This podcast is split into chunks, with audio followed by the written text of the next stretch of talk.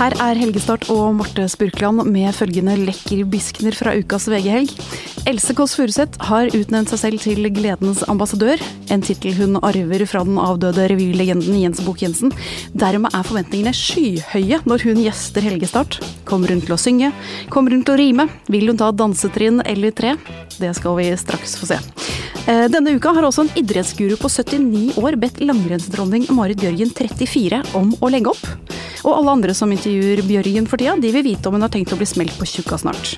VG-reporter Morten Hegseth vil sette en stopper for barnepresset. Og hva er det med nordmenn og drømmen om hus og hage? Må vi ha gressklipper og trampoline for å føle at vi er hele mennesker? Jon Niklas Rønning slår et slag for asfalt under føttene og eksos i lungene. Else Kåss Furuseth. Aller først vil jeg si en nydelig intro. Syns du det? Ja, nå Tusen må takk. Lindmo passe seg. Åh, ja, ja, ja. Nå ble jeg varm om hjerterota. Um, Du er aktuell med så mangt for tida. Lørdag er du i TV 2s Artistgalla. Jeg er med i Artistgallaene. eh, som Pengene er- går til Else. Det som poenget. Pengene går ikke til meg, pengene går til Det, det er faktisk ikke lov å tulle med. Det er veldig, det er veldig, nøye, det er veldig nøye. Det er ikke sånn God kveld Norge at det var noe sånn ekstra bonus der. Det er, eh, det er inntekt på SOS Barnebyer, og jeg har vært i eh, Tanzania og besøkt eh, eh, noe som ikke er så morsomt. Det er tre barn som ikke har noen. Og eh, forteller deres historie, da. Er med og forteller deres historie. Eh, Og om under tre uker så har du premiere på ditt eget eh, talkshow, også på TV 2. Det er Ja. lov å være blid. Det er lov å være bli. ja. Ja. Eh, og jeg syns at det var så vakkert at du har valgt deg som livsoppgave å bli Norges nye ambassadør for glede. Eh, hvor kom den, eh, den visjonen fra? Eh, Det er jo veldig store sko å fylle, eh, bokstavelig talt. Eh, og jeg vet, kan jo kanskje ikke påstå det, men jeg følte at det var en tittel som var ledig eh, i Media-Norge. Eh, øse ut ren, uironisk glede. Og fordi at ofte så skal man jo si veldig mange ting og være morsom på toppen. Og her skal jeg bare fokusere på at det er veldig naiv tankegang. At du sitter i sofaen og så skulle du bli glad i hjertet ditt. Det, eh, det eh, Jeg skal ikke si at jeg ikke blir det eh, så ofte, men jeg vil ta den oppgaven på alvor, da. Men altså, når man sender en ambassadør til et land, da er det jo ofte en, eh, noe man skal utføre. Da er det noe man vil bøte på. Eh, syns du det er for lite glede i det norske huset og hytte og krik og krok? Eh, Jeg tenker, jeg, folk går ikke og griner på gata, men jeg syns at det er jo ikke noe, det er jo ikke noe sånn at det er, noe sånn stopptak på glede. Så mer glede kan det alltid bli. Men du har jo delt ganske raust uh, av det i livet ditt som ikke har vært så veldig glad også. Altså, du har fortalt om moren din sin selvmord, broren din sin selvmord og, og det som følger med den type opplevelser. Eh, det at du nå velger deg gleden, er det en slags, uh, ikke for å låte som en terapitime, men er det for å liksom møte det kjipe som livet også byr på? Det er vel veldig sånn ubevisst valg som alltid har vært der. Og så er det jo ikke lov å si, men det er jo litt sånn at Nå ser jeg Morten Hegseth ler, for han vet hva jeg skal si for noe nå. Det er jo at eh, latteren og gråten går hånd i hånd. Eh, så eh, eh, man kan jo eh, eh, Det er ikke noen motsetning. Og så er det sånn at det er jo, i alle liv så er det jo ofte begge deler på en gang, men nå er det gleden i hovedfokus, da. I hovedsetet. Jeg tenkte på den triste klovnen, nemlig. For du har den Ja. myten om de veldig eh, morsomme og glade menneskene. Og så bak entertainermasken så er det en sånn sår og trist sjel som går hjem og gråter idet rampelysene slukker. Eh, Du er jo også komiker, Jon Niklas Rønning. Er det, er det mange av den typen der ute? Ja, det er, det er mange deprimerte komikere, altså. Det er, faktisk- Vilt mange deprimerte komikere. Jeg må faktisk gå ut nå og bare uh, gråte litt, hvis det, hvis det er mulig. Jeg må bare legge meg nedpå, altså, for dette her var så deprimerende, hele, hele opplegget faktisk. ja, men det er, det er jo, vi kan jo spole bare en liten stund tilbake til Robin Williams' eh, selvmord. Og, og han var jo en fyr som strålte glede utad, men som balet med masse indre smerte. Det er jo, det er jo en, eh, en rød tråd som går igjen. En eh, hard oppvekst, eh, mye sorg, katastrofer i livet. Altså, det er jo en sånn gammel Jeg tror det du nevnte innledningsvis der, det, det, det er jo en gammel historie, det der, som har gått liksom, i sånn komikermiljø i alle år. Om sånn, han deprimerte fyren som gikk til psykiateren og så sier du jeg er så deprimert, jeg har lyst til å ta livet mitt. Jeg, jeg, jeg klarer ikke å se noe glede i livet. Og så sier psykiateren Ja, men du kan jo gå og se klovnen Bilbo. Han har show i byen, han er fantastisk. Han, du kommer til å le deg i hjel. Gå og se han, det kommer til å hjelpe. Og så svarte fyren 'Jeg er klovnen Bilbo'.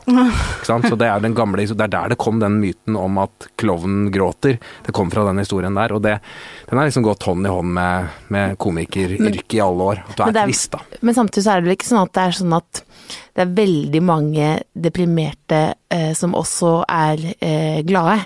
Det er jo veldig mange deprimerte som eh, forhåpentlig skulle vært mer glad. Eh, så det er jo ikke sånn at det er en sånn uh, Den Det er ikke sånn at du blir deprimert og så komiker, det er det ikke. Nei, det er, det, er jo, så, så det, er jo, det er jo på en måte ikke noe Det er ikke noe å problematisere. Det er vel heller, skulle heller ønske at det var flere som bare var glade. John, ja, John Cleese sa jo det at mm, sånn, det å gå i terapi har gjort han eh, mindre produktiv, men mer kreativ. Ja. Ikke sant? Så det er noe med at når du, når du går inn, og, inn i det derre mørket, da, så, eh, så finner du kanskje en, en, en kjerne til noe som er liksom ekte kreativt, som ligger liksom veldig nært hjertet ditt. da. Jeg ble, det, er ikke sammenlignbart, for det var ikke noe morsomt, men da jeg ble dumpa en gang og var sånn superknust øh, Så ble jeg kjempekreativ og skrev en bok basert på hat.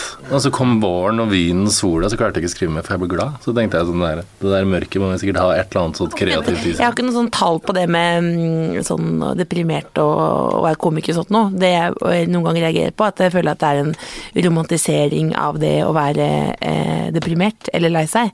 Eh, og at man da at man eh, Er du lei deg, så er du også eh, morsom eller kunstner. Altså at man må, noen ganger må skille litt. At man er sånn Du kan være Altså, det er ikke sånn et sånt hovedproblem at alle morsomme egentlig er triste. Hovedproblemet er at det er mange triste.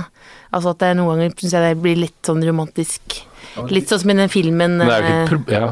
Nei, men at man, at man, eh, at man dyrker det triste. Jeg syns det er sånn i den, i den kanskje journalistiske og biografiske verden, men vi som er komikere, hver gang vi er i et intervju, så, så vet jo vi veldig godt at vi kan ikke si noe om at vi er triste, for da, da ser publikum etter det neste gang du opptrer.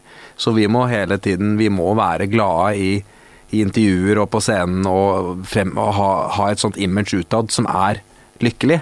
For hvis folk tror at du er trist og er deprimert og har masse tunge tanker, tunge tanker så, så ser de etter det neste gang. Da blir du litt mindre morsom for publikum også. Eh, Du har jo møtt en kjendis eller to i ditt liv, mm. Morten Hegseth. Er ikke du kjendis selv nå snart? Krysser fingrene og håper på en hverdag. Nei da.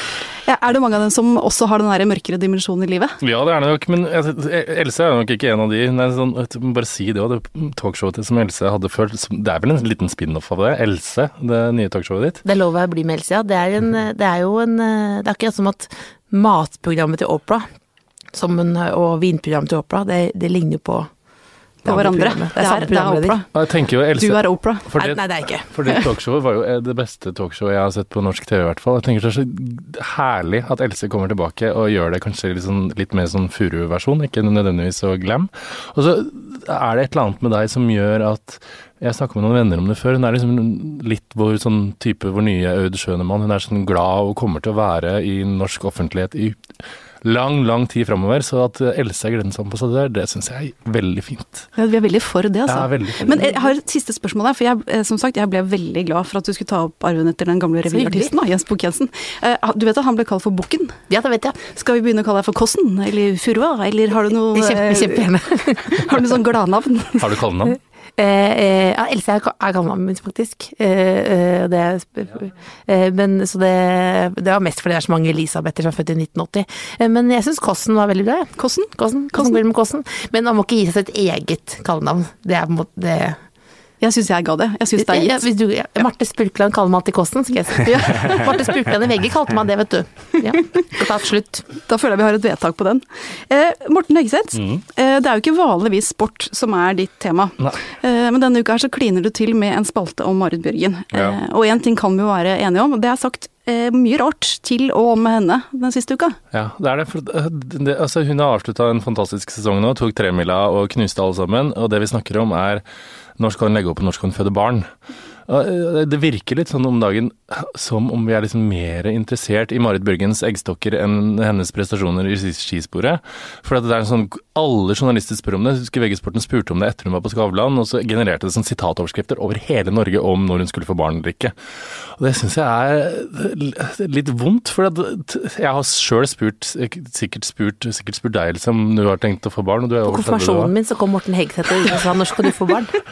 Men det er et eller annet sånn der Vi har en eller annen sånn der greie altså Jeg tror Norge er liksom et veldig likestilt land. Du kan gjøre hva du vil så lenge du ikke ikke velger å være barnløs, virker det som. Så TV 2 la ut en sak nå om en sånn 26-åring som hadde tatt det bevisste valget om å ikke få barn og sånne ting. Og under der så er det hundrevis av kommentarer der det står sånn 'kos deg på dødsleiet' og 'vit at arven stopper med deg sjøl' og sånne ting. Og det er det ikke med Marit Bjørgen. Marit Bjørgen har jo etterlatt seg en arv og kollektive fødselsøyeblikk i skisporet for lang tid framover. Så jeg tenker sånn nei, vi må slutte å mase på henne om det. Og vi veit jo ikke om hun kan få barn engang. Så jeg har bestemt meg sjøl for at jeg aldri skal spørre damer over 30 år om de har planer om å få barn snart, for det er private greier som ikke Du har sikkert blitt mast om det du har, Else? Nei, du maser jo litt igjen nå. Eh, bidrar ikke du på en måte mer barneplass ved at du skriver den kronikken? At du er en sånn kronikkfabrikk om det? Nei, det tenker jeg ikke. Jeg tenker, Jon Niklas, du skrev en kronikk en gang som het 'Veggen mellom oss og dem'. Jeg husker jeg ble kjempesint av. Eh, som handla om at den romantiseringa av å være barnløs og oppfordre alle til å få barn nå du, leser, du husker at du leser det med dine briller, vet du. Ikke sant? Sånn at det, det, er, det, er, det, var jo ikke poenget med den kronikken. Jeg tror at det, er kanskje et ømt punkt som eh, det er lett å trykke på hvis man går rundt og selv eh, lurer på det og tenker på det. Så for den, den handlet om eh, mye mer, eh, den kronikken, om at jeg for min egen del gikk rundt og, og, tenkte at det der eh, kom til å ordne seg en gang, eh, å få barn. Og så ble jeg 35, og så, og så tenkte jeg at jeg, jeg kan ikke gå og vente lenger. Jeg må gjøre noe. altså Det er ikke bare sånn at den dukker opp, og, jeg, og så henter jeg babyen på posten, liksom, i en pakke. Jeg må faktisk eh, planlegge og bestemme meg for det. Og for det trodde jeg ikke at jeg måtte, og jeg slo meg ikke at det en dag kunne være for sent. Og det var det den egentlig handlet om, og det, det handler om noe annet enn det å frivillig gå eh, barnløs og nyte det, for det har jeg vanvittig stor respekt for. Men altså, det er jo mye kjente mennesker der ute som legger stor vekt på å si sånn Jeg fikk barn, jeg ble et bedre menneske, alt ordnet seg, jeg har fått mening i livet. Eh, ja. Man skal jo passe seg for å si at man ble et bedre menneske, fordi ofte to i etterpå tenker sånn Var det noe bra da? Jeg har ikke tenkt på at det er for sent, jeg, før no Jon Niklas Rønning nevnte det nå, faktisk. Men jeg tenker at eh, hvis du har eh, mann eh, og eh, muligheten til å få barn, så skal du redegjøre for hvorfor du ikke får det, med tanke på alle de andre som ikke har mann. Nei da, du skal ikke gjøre det. Nei, jeg mener jo at eh, Jeg mener at eh, Jeg så på sånn liste fra Aftenposten. Jeg leser det innimellom, faktisk. Eh, og da, innenfor de, de tabuene i vår tid, så var det på Var ikke det på nummer én eller to? Det var en, å være å være ensom, og så var det det å være Det var å være frivillig eh, barnløs, da. Og de to tingene i det spørsmålet kan jo for mange kanskje også Det henger jo liksom sammen. Det føles jo veldig sånn intimt spørsmål. Eh, men så er det jo ganske mange damer som er ganske gode til å svare på det spørsmålet også, da. Jeg kan jo ta på meg den røde feministlua da, og si at det er jo pussig at ikke de sier det samme til mannlige idrettskjendiser. Det er ikke så mye sånn eh Ole Einar Bjørndalen og Thomas Alsgaard, kom dere hjem fra skiløypa, ta dere av familien, vær familiefedre. Det sitter litt løsere når det er kvinner man snakker til, gjør det ikke det? Men det har vi kanskje, jeg tenker sånn Grunnen til at man maser litt mer, er vel biologien. Altså, menn kan få barn til de er 90, damer kan ikke få barn til de er 90. Men det er et eller annet i jeg tenker den framstillinga av folk som får barn. altså Du leser alltid om kjendismødre som har fått barn, med overskrift. Sist på den der Tones jul på TV 2 så var det liksom masse snakk om at hvor mye bedre menneske hun hadde blitt etter at hun ble mor. Det kan jo òg lese det som at man er et bedre menneske som mor, og at barnløse kvinner er dårligere enn andre. Så, det, ja, så det er litt sånn det, det, er eh, jo interessant å prate om òg, Jeg syns Morten har et veldig godt poeng, for jeg syns at det er en overfokus på nettopp det at man på død og liv skal få barn som den eneste uh, mulige frelse. Og det er uh, ikke sånn at det er veien for alle, uh, og, og det er viktig å få frem. Og jeg tror at det er påtrengende Særlig for, for, de kjendisene og idrettskjendisene som kastet det i trynet når det egentlig livet handler om alt annet for dem akkurat da. Eh, det som jeg syns er interessant, er også det er, er bare de menneskene som, som, tror at de kan velge hele livet, og så får de helt angst når de passerer 40 og, og så og, og, løpe rundt og liksom Det har ikke slått en før man blir 40 år at det kanskje er en datostempling på det, men det er jo en privat, privat greie, mer enn det er en, eh, en sånn ting som andre skal mase med deg med. eh, det er 100 millioner tusenvis av grunner til uh, ulike grunner til at folk ikke har barn. Eh, så du går, du går jo rett inn i hjertet til folk når du spør om det. Og som, som eh, Rønninger sier, så er det jo sånn at det kommer jo ofte veldig bardus på. Men det er jo veldig mange sånne spørsmål eh, i den sammenhengen. Og så er det som er sånn eh, Som går på alle de Som går på vekt, kropp, eh, barn. Eh, hvor skal du på Kan du si noe om julefeiringen din? Så det, alt er liksom sånn like mye vekta, på en måte. Og så plutselig midt inni der så kommer veldig store, alvorlige spørsmål. Det kan jo det med barn være. Og så er det vel noe at hvis man står og plundrer med alle disse tingene, da, så er kanskje det siste man trenger, er rådet fra en avdømka eks-idrettspresident på 79. Ja, ja, ja. Så eh, Marit Bjørgen, eh, gå din egen vei og lukk ørene for det der tutet der. Er helt enig. Helt enig. Mind your own business. Så er det mye gøyere å se henne gå på ski enn å få barn. For oss andre i hvert fall. Kanskje ikke for henne. Ok, da skal vi rett og slett videre til Jo Niklas Rønning. Eh, Du har skrevet eh, en spalte om de tre v-er. Veranda, vaskekjeller og Weber-grill. Eh, Det er sånn cirka det som skal til for at nordmenn flest føler seg som hele mennesker. Ja, det er jo sånn at det kommer Kanskje i takt med barne, barnet som dukker opp, da. Så kommer det også et sånt, eh, sånt ytre press på at du skal ut av byen, som, som etter hvert blir et indre press, tror jeg. At man ser den byen som man vokste opp og elsket eh, liksom med hele sitt hjerte i studenttilværelsen, den, den blir liksom din verste fiende. Jeg husker jeg kjente noen som bodde på Grønland i verdens hyggeligste leilighet å få barn i, men de hadde aldri pratet noe negativt før ca. et kvarter etter at de fikk barn. Da så de bare mennesker som tygget katt. Og, de bare, og, de, og, de, og det var, det var liksom eksos overalt, og de var redd for at ungen skulle bli overkjørt. Og det var liksom helt utenkelig for dem i det hele tatt å la barna deres vokse opp i en, eh, i en sånn bykjerne. Da. Og da tenker jeg at du har jo et veldig flott bo, bo, bolig for, for dine barn nå, liksom. Hvorfor, hvorfor, hvorfor flytte derfra? Men det skal vi. Vi skal ha hus og hage, og vi skal ha veranda, vi skal lengst unna byen fordi vi skal ha nærhet til marka. For da blir vi lykkelige, tror vi. Ja, og din hypotese er at man blir ikke så lykkelig i den hagen. Jeg tror ikke man blir lykkelig av å sitte og, og, og pendle til jobben i to timer hver dag og høre Take Me to Church for 73. gang. Det, det, det tror jeg Den låta skal vi ikke blande i det, for den er ganske god. Det er en fin låt, egentlig. Det er Det er det, det, er, det, er det men, men pendlerne tror jeg kanskje har fått den opp i halsen nå. Ja. Eh, Else, drømmen om hus og hage? Det Lever beste må være å ha hus og hage i byen, sånn som kongen har, eh, slottet. At du er- har alt eh, på samme sted. Eh, For det er ikke noen motsetning, altså. Det er vanskelig å gifte seg inn der nå, da. Da må du langt ned i alder hvis du skal Ja, få det må til det. langt ned, og det tror jeg ikke Jeg tror ikke jeg tror ikke noen der er interessert, eh, men, eh, men jeg tror at Nå tenker jeg bare på alt man ikke har, for nå er det liksom barn og hus og hage og hele pakettet her, så jeg ble, jeg ble litt satt ut, hvis jeg skal være helt ærlig. Eh, Men jeg tenker at det hadde vært fint hvis det kunne være mulig å få mer hage i byen, for det føler jeg, er ikke det hyggelig, Jo Niklas? Jeg har et forslag. Jeg, kjæresten min har barn, og vi bor på Lilletun hageby, som er 20 minutter å gå ned til byen. Hage, liksomhus. Føles ut som det ikke er i byen. Men der kan man ikke bo, for jeg har vært på visning, der kan man ikke bo hvis man ikke har barn. For da virker man, da virker folk tror du er gæren. Hvorfor har du, hva, hva har du her oppe i øret? Er du helt idiot? Med alle barna våre? Du er helt sjuk i huet. Så da fikk jeg beskjed av at jeg bare, her vil jeg bare komme seg unna. Det er rett og slett diskriminering. Diskriminering, ja. Det flotte med det Morten sier, er at du får jo et et flott hus i byen, og så slipper du den der stygge blå trampolinen som står i hver eneste barnefamilie sin hage. Det, det er jo, Man ser jo for seg et sånn idyllisk bilde av hvordan livet skal bli når man flytter ut av byen en halvtime unna og, og får det der enten huset eller rekkehuset, da.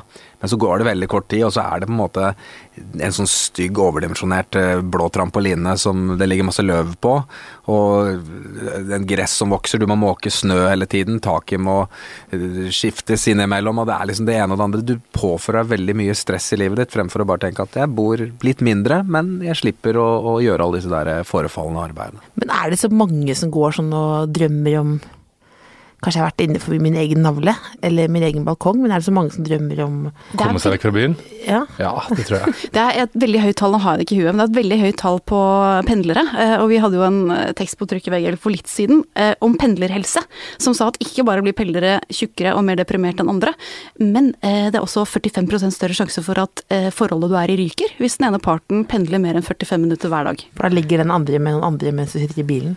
Du sitter og hører Take to Church. Det er nedtur, ass. Ja, men det er en fin låt å elske til, da. Ja. Det er det sikkert. Det vet jeg ikke om. Så, eh, Snakker ikke av egen erfaring, bare så det er sagt. Jo, du sa det nå. men hva skal til da, Else, for at du pakker sekken og flytter ut av byen? Du, helt opprinnelig eh, Ikke opprinnelig, det er feil ord. Men hva er Eh, definisjonen av ut av byen? Er det type Jessheim. Jessheim er definitivt ut av byen. ut av kommunegrensa? Ja, Ja. Jessheim, det tenker jeg for min del er jo Jeg kommer fra Jessheim, veldig hyggelig sted. Da tenker jeg Kjempefint sted hvis du ikke bor alene.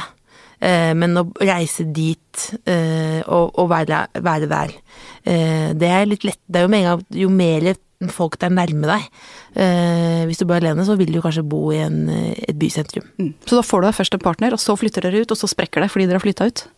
Det er jo en, en Veldig ned, det er jo helt Jeg hører deg, det er veldig negativt det her. Men vi er jo en litt representativt utvalg òg, for vi bor vel eh, en halvtime fra Karl Johan og Stortinget alle sammen.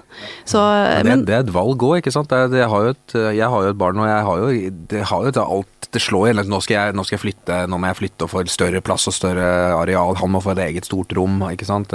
Han må ha gress under føttene. Men så slo det meg at jeg bor på Tøyen. Og det er to parker rett ved. Det er Botanisk hage, det er Tøyenbadet der. Det er enorme tilbud, men vi klarer bare å se liksom eksosen og, og han som tygger katt, istedenfor å se at her er det faktisk fint, selv om vi er i sentrum. Men for å avslutte på en litt sånn blid måte, til ære for Else blant annet. Trampoline er jo gøy. Altså, Ja, og så er det veldig mange som driver med narkotika også utafor byen, da. Ja, og det er veldig gøy, det òg. Ja, det er lest. Det er lest, og hørt om. nå føler jeg helgestemningen ligger tykk over dette bordet. Så fint. Vi nærmer oss nå, vi nærmer oss nå slutten på programmet. Um, Else, har du eh, en melding til det norske folk før de tar eh, helgen for alvor? Jeg si en uironisk eh, alvorlig melding. Det er at jeg oppfordrer alle til å se på Artistkanalen på TV 2. Til inntekt for SOS Barnebyer. Jeg tror du blir klokere av å se på det. Og gi litt penger òg, da, eller? Det var underteksten, men der sa du det veldig direkte. Eh, gi penger. Eh, det er jo veldig konkret at eh, ofte så hjelper det med penger også. Morten, et ord på veien? Um, hæ, vanskelig. Må jo se veldedighetsskalaen, selvfølgelig. Selv om jeg syns veldedighetsskala er egentlig ganske kjedelig. Veldig for veldedighet. Veldig kjedelig med veldedighetsshow på TV, men skal se på Gi penger. Eh, og så bør man vel bare høre på Lørdagsrådet, drikke kaffe og sove lenge, da. Som man bør gjøre for å få en god helg. Rå type der. Ja, Niklas. helt vill. Jeg skal, eh, jeg skal, For å bøte på kronikken jeg skrev i min tid, skal jeg ta Mortens eh, ord til meg og, og si rett og slett at hvis, hvis du inviterer eh, en venn over som er, nærmer seg 40, og som er et par, ikke dra på, bo, opp på bordet at når det kommer barn Jeg vet at det er helt forferdelig slitsomt for, for folk å bli spurt om i, her og der. Jeg har flere jeg kjenner som er Vær så snill, ikke spør om det. Ikke det spør så, om det. det er aldri noen som spør meg om det. Da, er nå føler jeg Else.